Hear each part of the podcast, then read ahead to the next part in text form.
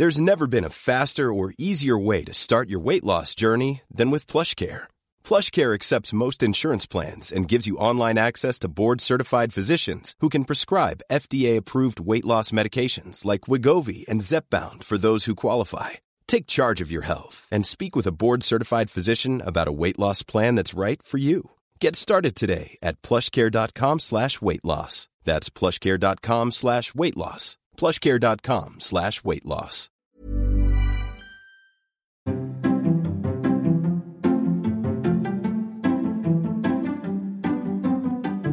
Välkomna ska ni vara till 2024 års första avsnitt av Parkinson-podden. Tiden går förvisso. Det här är det sjätte året som vi gör Parkinson-podden. En riktig resa skulle man kunna säga. Träffa massor av spännande människor och, och höra många historier. Eh, en stor förmån att få träffa de här människorna. Och apropå spännande människor så är jag på Uppsala Akademiska sjukhus idag. Eh, en av våra neurologer i podden, Dag Nyholm, professor i neurologi, hälsar jag på. Eh, tack för att fick komma hit. Ja, tack. Trevligt att ha dig här. Ännu en gång. Ja, det börjar bli en tradition. Eller hur? Det, och det är väl jättebra, för du är en av dem som är med mycket och pratar om, om det här, både på webben och på, i podden. Det är jag jättetacksam för. Mm, det är roligt. Du, vi ska titta lite på förra året och det här året, vad som händer inom området Parkinsons sjukdom. Mm. Eh, om vi tittar på förra året, är det någonting som sticker ut tycker du, eller som, som eh, skiljer sig från, från mängden, eller var det en, ett vanligt år så att säga? Ja, nej men eh, det var väl ändå en hel del i media om, från Lund då med, med eh, de, de, de första eh, nya stamcellstransplantationerna som, som genomfördes under, under 2023. Mm. Så det, var väl, det är väl ändå, får man väl kanske framhålla som det mest spännande som hände förra året. Hur ligger det till där nu? Det var ju tidigt i våras, vårvintras operationen gjordes. Ja, precis. Och redan då så sa de ju att det här kommer vi inte veta någonting om på väldigt länge. Och det, så är det ju. Det är ju där vi är idag. Det, den studien pågår och den handlar ju framförallt om säkerhet och te, liksom testa att det, här, mm. att det inte är farligt och att det liksom går att göra det med den här metoden och att de här nya cellerna, då, stamcellerna, överlever och så vidare. Så att eh, det kommer dröja innan vi får veta hur det egentligen går, om det, går, om det blir en fortsättning på det. Det var en Parkinson-sjuk man som har stoppat in, var det 8 miljoner stamceller tror jag? Ja, någonting sånt var det. Ja. Många var de. Många var de, ja. Eh, var stoppar man in dem? Ja, det är ungefär som vid, att man, man gör som en DBS-operation ungefär. Så att man ska liksom in i, djupt in i hjärnan mm. och, och, där så ja, injicerar man de här cellerna. Det är ju många celler, men de är små. Så att det blir... Är det på samma ställe, alltså där, det, det spelar inte så stor roll var det exakt, men i de basala ganglierna ja, men det är det, som det heter? Ja, det är, det är där som de ska in och verka. Och, eh, tanken är ju att sådana stamceller ska kunna, kunna bildas till, till nya dopaminceller och, och fungera och, och liksom ersätta det dopamin som man har brist på. Just det. Stamcell, vad är det för någonting egentligen? Nej, men det är just det här att det är eh, en cell som är i ett tidigt mognadsstadium kan man säga. Så att den kan utvecklas till nästan vad som helst i kroppen. Alltså så är det ju med i, i fosterlivet när vi, när vi är väldigt små. Mm. Eh, då är det mycket stamceller som sen då specialiseras och bildas till olika sorters skelettceller och eh, Programmeras för att vara ja. dataspråk. Ja, precis. Så mm. kan man säga. Mm. Och så i rätt miljö och under rätt förhållanden så, så kan man göra stamceller till dopaminceller. Så i den bästa av världar så kommer de här eh, x antal miljonerna cellerna som man fick in i huvudet nu då, eh, börja starta produktionen av dopamin? Just det, och, och eh, liksom eh, börja samtala och interagera, alltså fungera mm. tillsammans med andra celler i, som mm. finns redan i hjärnan. Men det är ju, det är ju rätt häftigt, så man vet inte riktigt vad som ska hända. Nej, det vet man ju inte riktigt. Det finns ju mycket, alltså det, det är ju, den här forskningen har hållit på i många, många år, ända sedan 80-talet egentligen. Mm. Så att man vet ju en hel del om hur det funkar. Men samtidigt så är det nya nyheter och ny, nya behandlingar av de här cellerna och så vidare. Så att eh, det är en utveckling som, där man har ganska bra kontroll, men vi måste också, man måste ta det lugnt och stegvis och, och liksom se hur det. hur det här funkar. Hur många är det som opererade med det här nu? Ja, jag vet inte siffran exakt. Du får fråga Håkan när du pratar med honom nästa ja, gång. Men det. Det, är några stycken tror jag. Ja, det är, precis. Mm. Det är de uppgifterna jag har också. Mm. De här stamcellerna, odlar man dem eller hur funkar det? Ja, det får du också fråga dem där som, i Lund som håller på med detta. Men det, så är det, man kan odla och, och um, mata dem på olika sätt och, och sådär. Så, Eh, det går att ha dem i labbmiljö och sen så opererar man in dem. Då. Sen tar det ju lång tid. Så, så om allting skulle gå precis på perfekt, hur lång tid tar det innan det skulle kunna bli en behandlingsmetod? Ja, det är väldigt svårt att svara på, men det, är, det handlar om flera år i alla fall, mm. kan man säga. Det, man måste ju göra sånt här lite försiktigt. Eh, man får inte experimentera hur som helst, det är människor mm. vi, vi eh, försöker behandla.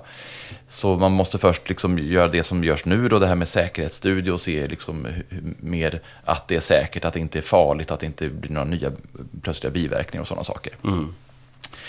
Eh, och sen behöver man göra lite i större skala, testa på fler personer och se, börja titta mer på effekter och, och sådär. Så att, eh, ehm, och så är det mycket pappersarbete till myndigheter och sånt mm. för att det ska vara på ett säkert sätt helt enkelt. Det tar många år innan det, det kommer det. ut, definitivt. Om vi tittar på lite mer jordnära saker då, om vi tittar på pumpar till exempel. Eh, vad händer där under 2024? Där väntar vi ju precis nu på att det ska komma en ny pumpbehandling ut på marknaden och den är, kan komma precis när som helst egentligen. Okay. Eh, vi har inte fått något datum men, men ehm, eh, under året i alla fall eh, är det sagt. Ny i vilken mening då? Jo, det är då en, eh, en elddoppa-pump. Det finns ju redan tidigare, men de, de pumpar som finns i dagsläget som innehåller elddoppa, de ger man med en, via en eh, slang in i magen och mm. med en eh, tunnare sån som går ner till tunntarmen. Men det nya nu då, då är att man ska kunna ge en elddoppa-lösning i underhuden. Så att man har en liten plastkanyl bara in i, i underhudsfettet. Och där så pumpar man då in elddoppa. I buken eller magen till exempel? Ja, precis. Det är ju mm. bäst tillgänglighet där. Det går lite grann på andra eh, ställen också på kroppen. Men eh, buken är absolut lättast att komma åt och ja, bra yta. Och den ska få samma funktion som den som går in i tarmen idag? Ja, enligt studierna så ser det lovande ut att det ska funka eh, på lika effektivt, eh, åtminstone vad det gäller de här jämna nivåerna av elddåpa som man har kunnat mäta upp och, så, och att effekterna ska vara likvärdiga. Då. Men det, det är också nytt eftersom eh, det, det, har gjorts lite studier, men även där vet vi inte så mycket på lång sikt. Det har gjorts tillräckligt för att kunna godkänna det här hos alla mm. myndigheter. Och, eh, och själva pumpen då är någon ny variant som också är då rent tekniskt godkänd. Sen hur det kommer fungera i, i praktiken under lång tid, det, det vet man ju fortfarande Nej. inte. Att, hur länge kan man ha samma stickhål? Liksom? Får man ta nytt varje dag? Eller? Ja, det behöver man göra. I, i studierna så hade man eh, gjort det var tredje dag, bytt, bytt eh, ställe på den här lilla nålen. Mm. Eh, och det, var, det blev en del infektionsproblem då. Mm. Så att förmodligen så ska man byta varje dag för att det ska vara mindre risk för att det blir infektioner i huden. Vad är utvecklingspotentialen på pumpar framöver sen? Skulle det kunna bli sådana här pennor? Nu finns det ju apomorfinpennor. Mm. Eh, men skulle det kunna bli sådana med, eh, som du, det du har i pumpen idag, Lessigon? Eh, att du tar tre shots i magen i princip eh, per dygn och, och du håller en jämn dopaminnivå då. Det låter mm. väl som en dröm? Mm, det låter som en dröm, ja. Det skulle ju vara smidigt. Eh, är det görligt? Jag vet inte om det är görligt. Det känns inte riktigt så i dagsläget. Men samtidigt så är det kanske bara en en eh, utvecklingsfråga att det skulle kunna gå. Vad, vad, man behöver göra då är att ha någonting som liksom frisläpps, att medicinen frisläpps lite granna, portioneras ut på något sätt.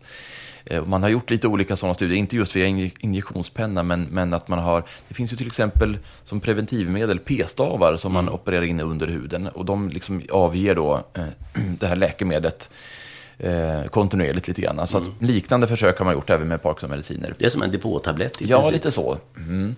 Men, men det är ju en teknisk fråga att få till det i så fall. Mm. Du nämnde Lesigon, det är ju en av L-Dopa-pumparna som man idag ger till tunntarmen. Den andra heter Duodopa. Och så den här subkutana, alltså i underutfettet som, som ska komma nu, den kommer att heta Produodopa då, som, som mm. varumärkesnamn. Men sen ska man också nämna, du nämnde apomorfin, att det finns ju redan idag en, en pumpmetod som man ger subkutant, alltså i underutfettet. Och den, det är ju apomorfin. Eh, som finns både som penna och pump. Det är väl egentligen ett kräkmedel från första början? Ja, det är det ju. Det, det, har ett roligt namn när det säljs inom veterinärmedicin, när man ger det till hundar som har ätit julchokladen till exempel. okay. Och det tål de inte, det är jättefarligt för hundar att äta choklad. Och då ja. ger man dem apovomin, så att de ska oh, vomera. Vomera, åh. Ja.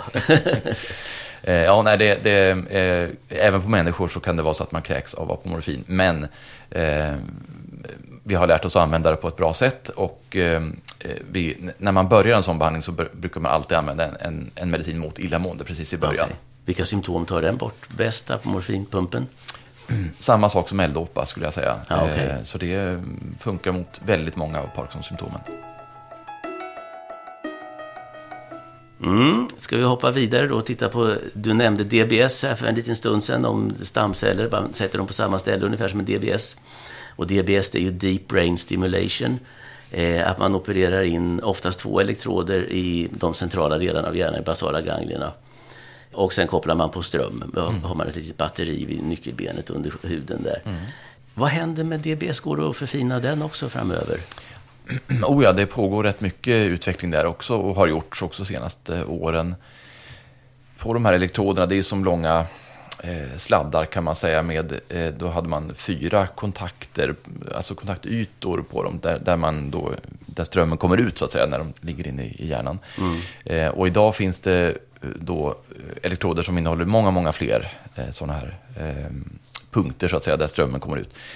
Eh, och det gör att kombinationerna blir nästan oändliga. Liksom man, kan, man kan styra eh, hur man stimulerar eller hur, hur det här eh, elektriska fältet eh, styrs inne i hjärnan. Liksom var, åt vilket håll det ska styras. Man kan modellera på den här lilla, de här millimetrarna som den här är ja, till och med. Precis, det är ju väldigt små områden det handlar om. Små ja. volymer, eh, millimeter som du säger. Men man kan styra. Så får man en biverkning av en inställning så kan man, så kan man styra bort det från just det området och liksom försöka finjustera. Eh, och sen så också pågår det studier där man tittar på och försöker få feedback ifrån hjärnan. Där man mäter på olika sätt hur, eh, hur nervaktiviteten är i ett område och hur man kan justera stimuleringen så att man behandlar symptomen optimalt och får så lite biverkningar som möjligt. Mm batteriet räcker något år och då får man öppna och ta ut det och, och, stoppa in ett nyladdat och sen sy ihop igen. Just det, så är det. Och då öppnar man ju bara på, du visar här men det syns ju inte. Nej, visar. Eh, visar under nyckelbenet. Ja, är själva batteriet eller pulsgeneratorn som man byter ut då. Så man mm. behöver inte in i hjärnan igen. Nej. Det gör man ju bara en gång från början. Men det är riktigt att det är batteriet som håller i ja, kanske tre, tre till fem år ungefär. Eh, sen får man öppna och byta ut det. Men där har det också utvecklats på senare tid. Så att numera så finns det laddningsbara batterier som man då eh, kan ladda till exempel varje dag vid frukosten. Två hål i väggen. Eh, ja, precis. Och två hål i huvudet. Ja, precis. Ja. ja. Så då sitter man med som en liten... Krage. En liten krage. Bra, tack, där var ordet. Och som, som då laddar upp de här utifrån genom huden. Eh, och det, de batterierna kan hålla i många, många år. Kanske upp till 25 till och med. Och då laddar man upp det lite oftare naturligtvis än vartannat år. Ladda, ladda, dagligen i stort sett. Åtminstone varje vecka, men eh, det kan vara bra så att man inte glömmer bort det där. Att man, att man har en rutin, att man laddar lite varje dag. Och då tar det bara några minuter per dag. Mm. Alltså det här handlar ju om då eh, vård i, i avancerad fas. När de här eh, Madoparken och sånt, medicin, inte räcker tillräckligt lång mm. tid och så vidare. Eh, vad är det som avgör om man är mest skickad för pump eller för DBS-behandling? Mm. Eh, det behöver inte vara något som avgör. Det kan vara så. En del, eh, en del personer med Parkinson kan eh, få vilken behandling som helst. Och då kan man själv få vara med och välja lite grann. Mm. Jag tycker alltså, att man som patient kan säga att jag skulle helst vilja ha den eller den behandlingen. Mm. För att jag tycker att det verkar bäst för mig. Och det kan ju bero på lite grann hur man eh, lever sitt liv, vad man har för intressen. och, och är man simmare till exempel och tillbringar många timmar i en bassäng varje dag, som ett exempel, mm.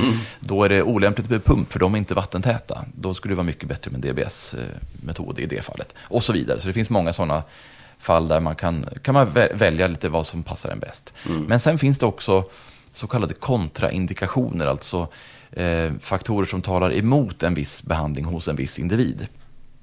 Eh, och det där är, där finns det en del specifika saker, till exempel om man har börjat utveckla demens eller alltså eh, kognitiva symptom, det vill säga problem med minne eller tänkande på något sätt, eh, då, då är man lite skörare för, särskilt för en DBS-operation opererar man i hjärnan eh, i en hjärna som håller på att bli sämre på, på det sättet, då kan, man, då kan man tippa över att det kan bli liksom ännu värre. Så där är vi problemen accelererar. Pro problemen blir accelererar, precis. Mm. Så där är vi försiktiga och har sån här neuropsykologisk bedömning, alltså olika minnestester kan man säga, som, som tittar just på de här funktionerna, så att vi inte ska förvärra någonting med en operation. Mm. Eh, och i ett sånt fall så kan det då vara lättare med en pumpbehandling än en DBS-behandling. Eh, och tvärtom likadant, har man eh, stora problem med huden kanske man inte ska ha injektioner i och eh, pump som sitter i underhudsfettet. Har man problem med eh, opererade tarmarna till exempel så kanske man inte kan få in en, en PEG-sond som man behöver för de här L-Dopa-pumparna. Så det finns olika sådana eh, aspekter att tänka på. Mm, mm. De funktioner du har tappat, det säger man att de är oftast borta då. Mm. Och därför vill man sätta in det tidigare. Hur går det med det? Gör man det, tycker du? Eller? Ja, åtminstone om man ser på lång sikt bakåt i tiden så, så är det, från början när de här metoderna kom så valde man ut de allra svårast sjuka. Mm. Nu gör man inte det, utan nu är vi lite tidigare skulle jag säga, absolut. Eh, samtidigt så får vi inte vara för tidiga heller. Därför att det finns lite risk att det blir fel på andra sätt då. Typ? Eh, typ att det var fel diagnos. Okej. Okay.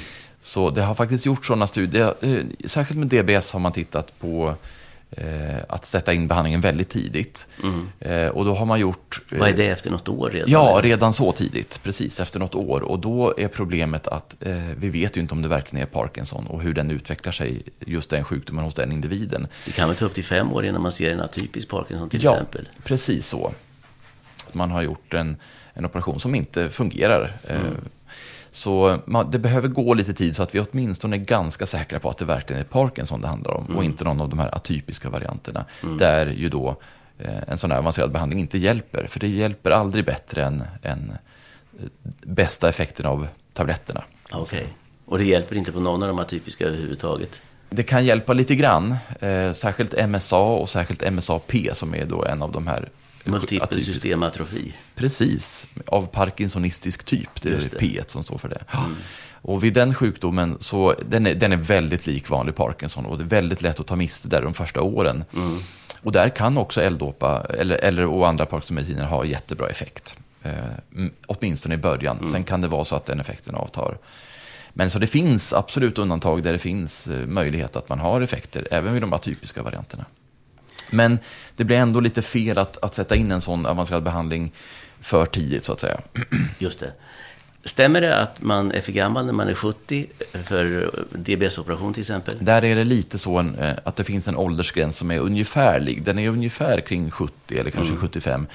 Det är inte bara så enkelt så att ålder är en siffra som man brukar säga, ja. utan, utan det är också hur, hur man mår i övrigt. Mm. Är man, är man en 75-åring som är väldigt frisk och fräsch och eh, klarar alla tester, kognitiva tester, mm. och, och, då kan man tänka sig en, en DBS-operation där också. Eh, så är det. Men det är större risker med en operation i hjärnan ju äldre hjärnor vi har, så att säga. Ja.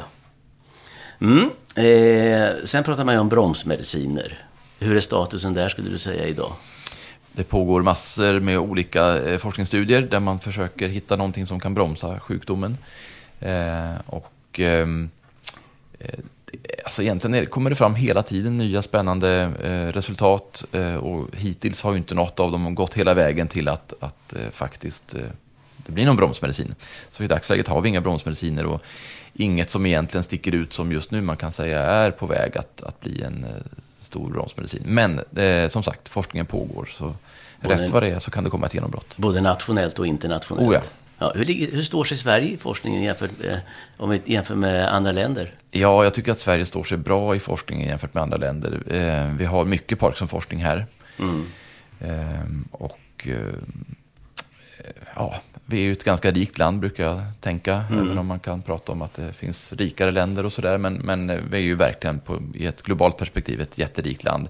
Det finns ganska mycket pengar till forskning och, och mycket resurser. Mm. Så att, eh, och en del företag som kommer utifrån, från andra länder också vill göra studier i Sverige för att vi är bra på det. Ja. Eh, så att, eh, ja.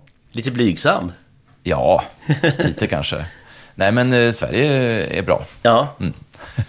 du, eh, alltså en enkel fråga då. Som, alltså, många är ju frustrerade och tycker att det tar sån tid. Hur svårt kan det vara liksom, mm. att lösa det här? Eh, vad är det som är så svårt? Jag skulle säga det enklaste svaret på det, det är att vi är människor. Och, och det är väldigt komplexa eh, indiv- liksom, vad heter det? varelser. Ja. eh, och, och, har vi då en sjukdom i hjärnan som, som är, det är liksom, vi kan inte tänka oss något mer komplext än hjärnan. Eh, Det är väldigt svårt. Och, och eh, det som vi kallar för Parkinsons sjukdom, det är ju egentligen inte en sjukdom, utan det är ju egentligen flera olika sjukdomar i, som ser ut ungefär på samma sätt. Men, men det är också väldigt uppenbart om man ställer eh, tio olika personer med Parkinson bredvid varandra så ser de helt olika ut. Eh, Alltså, eh, både, både det man kan se, eh, liksom kön och ålder, sådana saker, men också Symptombilder. En, symptombilden. En del har skakningar, en del har inga skakningar alls. Eh, och också hur man upplever sin sjukdom och vad man, vad man har. En del har eh, mycket besvär med förstoppning, andra har inte det. Och en del har jättedåligt luktsinne och andra har inte så farligt. Det vore bättre om alla hade lika. Ja, det vore, det vore mycket, mycket enklare. Och, Mm. och grejen är ju det när man just gör forskningsstudier. Vilka patienter är det vi testar egentligen? Men finns det någon gemensam nämnare? Det finns ju gemensamma nämnare och det, ehm, eh, till exempel så kan man ju se bilder på, man gör sådana här PET-undersökningar till exempel, eller DAT-scan som en, en, en spektundersökning. Då kan man få en bild på dopaminsystemet och visa att det är sjukt. Eh, sjukt eller friskt, det kan vi se. Så det är i alla fall en viss vägledning. Men, men sen då att skilja det mot de här atypiska varianterna, MSA till exempel, kan se väldigt likt ut. Det finns egentligen inget helt säkert test idag som, som visar att man har Parkinsons sjukdom. Så svårt är det. Eh, och då blir det ju, när man gör forskningsstudier och inkluderar liksom 100 patienter med Parkinson så vet vi att det, det är en del som inte har, kanske faktiskt har Parkinson. Nej. Och av de som, där vi tycker att de har Parkinson så är, är de väldigt olika. Och då kanske, kan det ju vara så att en medicin funkar för vissa av dem men inte för andra. Och medeltalet blir då att det inte funkar alls. Så att det är jättekomplicerat. Helt Det är frustrerande även för, från forskningens sida såklart. Verkligen. Vad är det man letar efter? Vad man letar efter Alltså för lösningen för att kunna lösa gåtan. Ja, egentligen är det ju vad, hur sjukt, vad, vad är sjukdomen, hur uppstår den och vad är, vad är felet egentligen? Vi vet ju inte det riktigt. Är det inte det här proteinet man pratar Jo. om, bland annat alfasynukleider? Där kommer vi in ändå i, på akt, aktuell forskning också, det här med alfasynukleinet. Och det vet man ju sedan ett tag tillbaka att det finns så kallade leverkroppar, eller leverbod, leverbodies, eh, som man kan se i mikroskop eh, på hjärnvävnad, men också i andra delar av kroppen. Som också är leverbody-demens då? efter vad jag Ja, precis. Det är samma, samma protein som är felveckat, men, och, men det ger lite olika symptom. Då. Det här med, just när man kallar det för demens, då har det kommit mycket sådana här kognitiva symptom och hallucinationer och sånt tidigt, tidigt under sjukdomen. Men där utvecklas det också, eh, apropå aktuell forskning, då, med, just att försöka hitta och kunna eh, ta prov på. Eh, till exempel blodprov som, som visar om man har Parkinson. Vi är inte framme där än riktigt, men där är också mycket intensiv forskning på så kallade biomarkörer. Letar man inte efter det i spinalvätskan också? Jo, man letar i all, alla vätskor, höll jag på att säga. Alla Okej. kroppsvätskor. Ja. Jag läste häromdagen någonting om tårar, Mm. alltså tårvätska. Eh, och vi tittar och vi håller på med en studie här där vi gör hudbiopsier och man kan titta på eh, Hudprover alltså? Ja, hudprover, precis. Eh, Vävnadsprover från huden. Där man då i hudnerverna kan, kan hitta de här förändringarna i alfasynukleinet. Eh, Och sen då hur specifikt det är, om det verkligen är Parkinson eller om det är de här andra varianterna, det också återstår att, att se. Att- Kan man ha felveckade alfasynukleider utan att ha Parkinson? Ja, det kan man ha. Det är nog så att, alltså delvis är ju Parkinson en, ett lite påskyndat åldrande.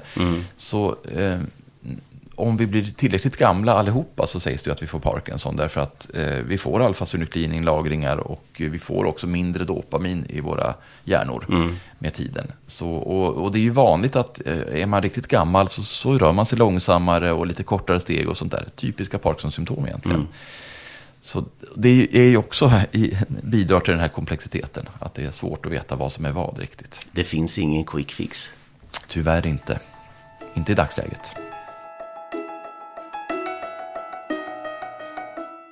Inte i dagsläget någon quick fix. Vi får se vad som händer framöver sen. Ja.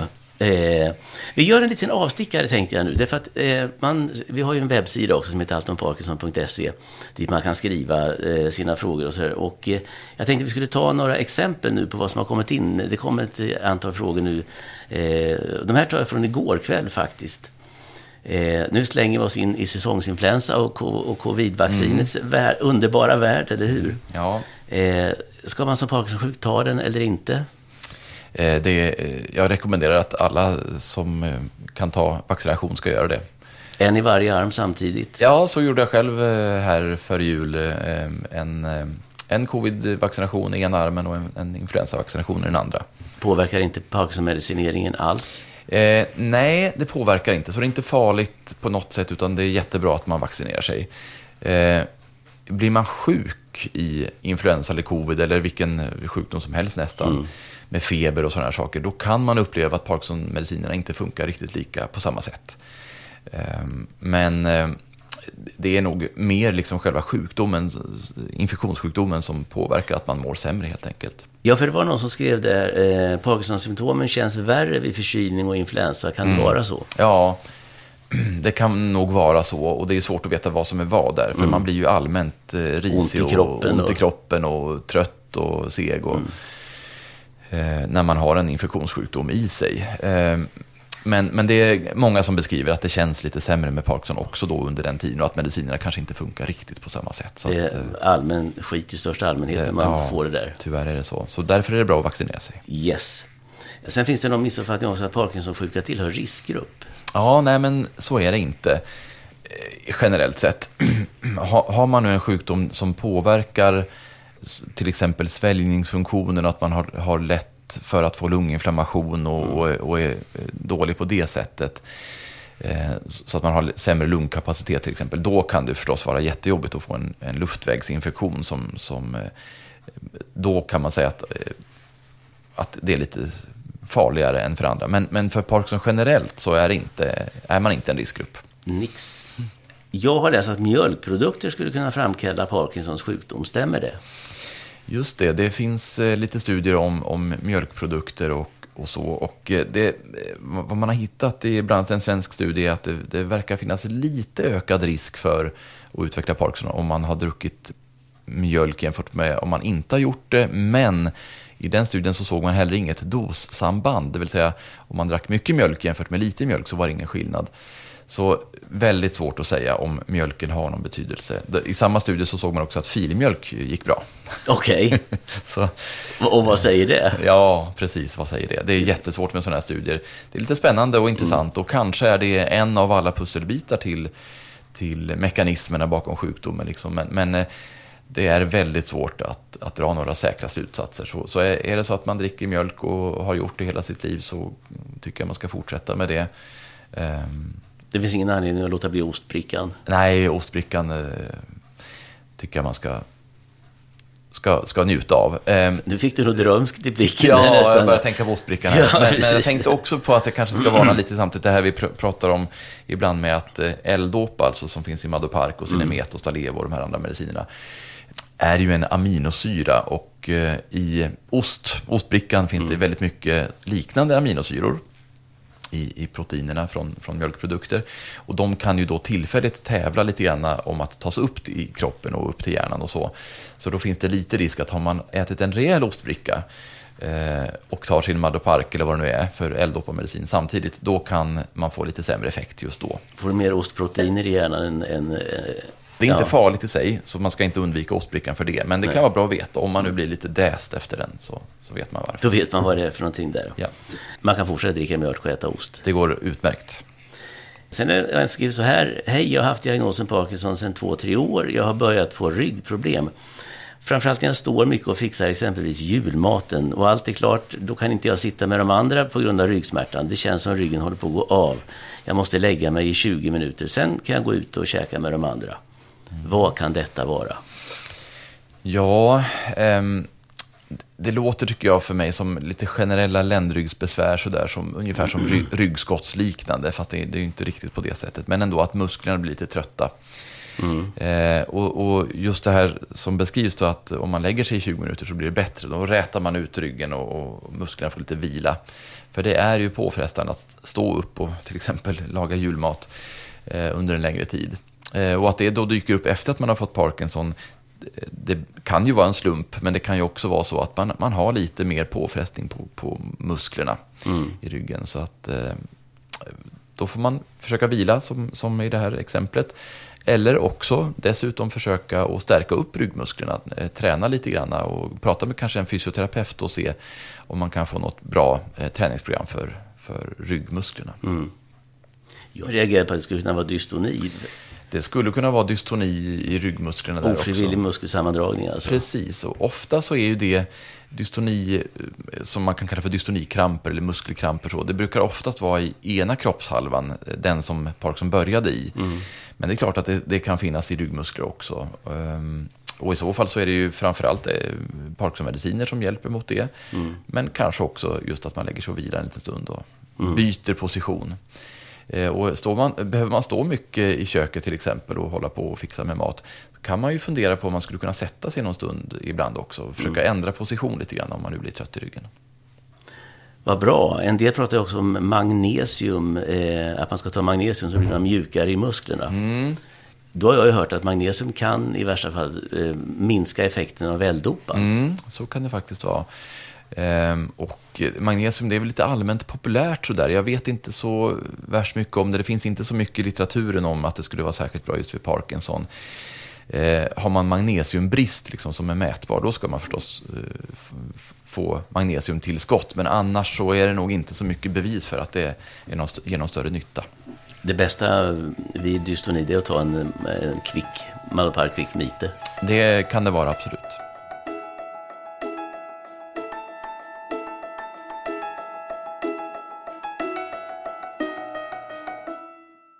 Då har vi gått igenom några av frågorna som har kommit och de här frågorna finns eh, också, kommer finnas skriftligt svar på dem eh, på altonparkinson.se.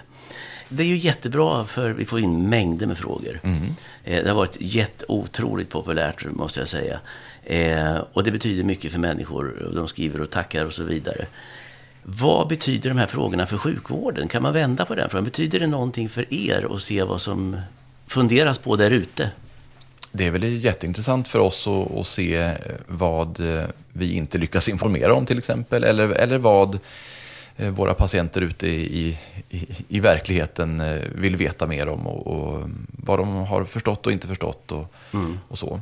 Så det är värdefullt för oss. Och det, man kan tänka sig att jag menar, det här ligger ju öppet på internet. Det är för vem som helst. Jag menar, du gör det för, för medpatienternas skull. Men även för oss som jobbar inom vården så är det ju jättebra att kunna gå dit och läsa frågor och svar. Och eh, jag menar, eh, de flesta av oss jobbar ju inte jättemycket med Parkinson.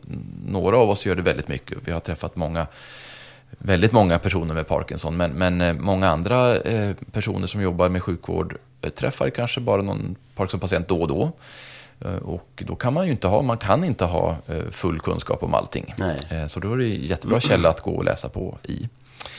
En annan aspekt av det är ju också när ni som har Parkinson kommer till oss i sjukvården på era besök eh, och är informerade för att ni har läst på altonparkinson.se eh, och lärt er saker eller, eller eh, kanske, har, kanske föder nya frågor eller och jag har läst att och så vidare. Det är inte jobbiga då som kommer Jo, och säger det det här har vi och den här medicinen vill jag ha. Vem har sagt det, säger, Ja, säger man då. precis. Jaha, var det jag som hade Ja. svar på den frågan? Ja. Ja. Ja, det är klart att det kan vara lite jobbigt för att då ställs vi ju för frågor som vi inte riktigt kan svara på och, och så. Men då får vi helt enkelt acceptera det och ta reda på det. Och, och eh, det får vi klara av. Eh, och det är ju faktiskt jättebra att man är välinformerad om sin sjukdom. Det är väl en ganska viktig del i behandlingen, är det inte det? Ja, det är det faktiskt. Om man förstår sin egen sjukdom och förstår och kan beskriva symptom och sånt där, då blir det också lättare för oss som jobbar inom sjukvården att jobba med att justera mediciner, att, att man kan hjälpas åt. Det är ju inte, det är inte en envägskommunikation att vi i sjukvården säger att så här ska du göra med din behandling, utan vi måste också få återkoppling från er. Hur funkar den här behandlingen? Var det några biverkningar och hur känns det nu? Och, och att då... Det är ju inte alltid så lätt att uttrycka. Nej, det kan vara jättesvårt att uttrycka, Ja. verkligen. Hur säger man att man är jättetrött? Ja, precis. Och, En blinkning till och jag somnar. ja, precis. Och då kan, man, då kan vi börja fundera på när händer det? Är det alltid en viss tid på dygnet? Hänger det ihop med medicinintag? Häng, Agonisterna är fienden där, säger man. ja, det kanske man kan säga. Ehm, så kan det vara med tröttheten. Ehm, det kan också ha med sömnen att göra förstås. Och det kan vara blodtrycksfall efter frukost. Jättevanligt att man blir väldigt trött efter frukost. Nästan svimmar av på grund av lågt blodtryck där. Så det finns otroligt många olika anledningar till att vara trött till exempel. När man var hos dig och sen så säger ja du har Parkinsons sjukdom, jag skriver ut eh, L-dopa till dig, du börjar med en halv tablett om dagen, bla bla bla och så här. Vad får de för information mer? Mm. Det, eh, det är en intressant fråga. Jag brukar försöka förklara vad sjukdomen handlar om. Det är också olika vad man vet. En del mm. kommer ju eh, hit för första gången och vet väldigt mycket därför att de har misstänkt själva att de har Parkinson. Mm. Andra kommer hit och har ingen aning om att det är Parkinson de har och det kommer Nej. som en överraskning. Eh, och kanske en chock också. Mm. Och i det fallet, när man blir chockad och, och överraskad över att få, plötsligt få en neurologisk diagnos som jag berättar för dem är livslång, mm. då kommer man nog inte höra så mycket mer av den informationen, det besöket skulle jag tro. Eller i alla fall inte så att det fastnar. Man stänger om man är chockad. Ja, ja, så det är ju en naturlig reaktion. Mm. Eh, och därför brukar vi här, nu gör man säkert lite olika på olika sjukhus, men vi här brukar göra så att vi kallar eh, till ett eh, besök efter någon månad ungefär hos Parkinson-sjuksköterska. Mm. Där, där hon i det här fallet då går igenom diverse saker som, som, som Parkinson handlar om och försöker förstås individanpassa till just den individen det handlar om. Så att man får lära sig lite grann om, om det hela. Mm.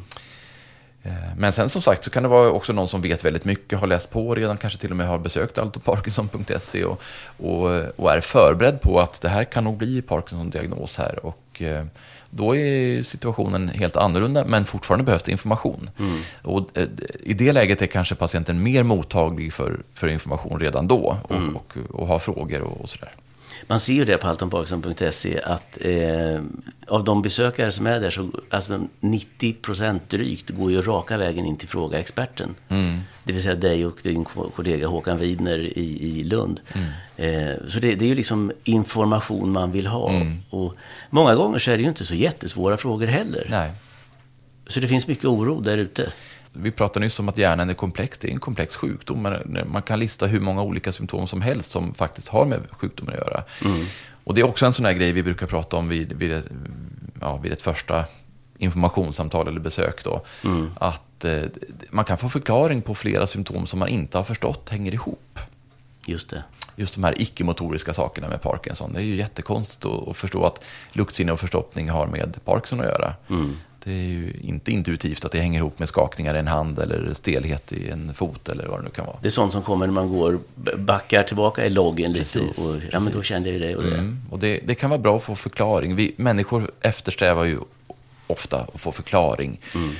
Och liksom letar efter mönster och förklaringar, mm. det är vi ganska bra på. Men sen, det är ju svårt då när vi har en sjukdom som sitter i hjärnan som är svår att mäta och svår att liksom riktigt peka på vad mm. problemet är. Ehm, så att allt som bidrar till att vi, att vi försöker förklara och försöker förstå lite grann av symptomen, det, det är bra. Vi kommer jobba vidare med altoparkinson.se under året som vi är inne i nu, 2024.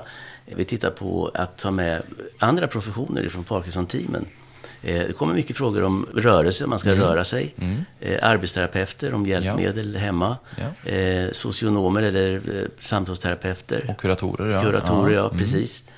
Dietister. Mm. Så vi kommer bygga ut det där under året. Logopeder, psykologer, man kan göra listan lång. Kan göra den jättelång. Ja, mm. ja logopeder är ju jätteviktigt. Mm, absolut. Mycket viktigt. Om vi tittar på 2024 nu då. Eh, vad hoppas du mest? På inom ja, Parkinsonvården? Just det, jag hoppas väl på som alla andra att det, det ska komma ett stort genombrott förstås i mm. forskningen som uh, hjälper oss att förstå mer om sjukdomens mekanismer och hur den kan bromsas eller stoppas och sådär. Det, det, är ju det som jag vet att väldigt många hoppas på och det, jag är med i det hoppet. Uh, även om jag ju också vet att det är väldigt svårt och komplext och det är inte så sannolikt att det dyker upp något sånt stort genombrott under 2024, men vi hoppas ju. Vad är, vad är genombrott på vilket sätt? Nej, ja, nej, men alltså, det kan ju plötsligt dyka upp, ja, jag vet inte vad, men, men en behandling till exempel, som, som vi nämnde mm. nyss här, det mm. pågår flera kliniska prövningar av nya substanser som skulle kunna hjälpa på olika sätt. Mm. Och visar det sig att, att det är någonting som funkar fantastiskt bra där, då det, det skulle kunna vara ett genombrott. Eh, och särskilt då kanske om det handlar om sjukdomsbromsande mekanismer. Samtidigt så ska man veta att det här är sånt som tar lång tid. Eh, så om det kommer ett genombrott i år så är det någonting som vi i så fall känner till som har puttrat på i forskningen under flera år sannolikt. Mm. Det är väl egentligen inte frågan om utan frågan om när. Ja, men det tycker jag man kan säga. Tack så jättemycket Dag Nyholm, professor i neurologi på Akademiska sjukhuset i Uppsala. Detta avsnitt av Parkinsonpodden har möjliggjorts med stöd av Abvi, Transkutan AB och Sensidos. Abvi, Transkutan AB och Sensidos har ingen påverkan på programval eller innehåll.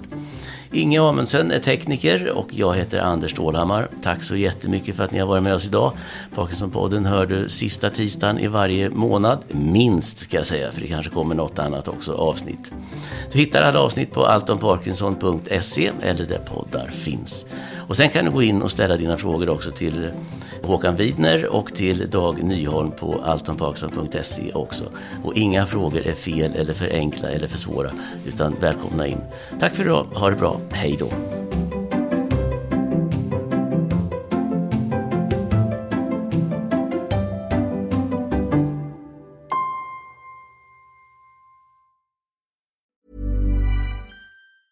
Ever catch yourself eating the same flavorless dinner three days in a row? Dreaming of something better? Well, HelloFresh is your guilt-free dream come true, baby. It's me, Gigi Palmer. Let's wake up those taste buds with hot, juicy pecan-crusted chicken or garlic butter shrimp scampi. Mm. Hello Fresh. Stop dreaming of all the delicious possibilities and dig in at HelloFresh.com. Let's get this dinner party started.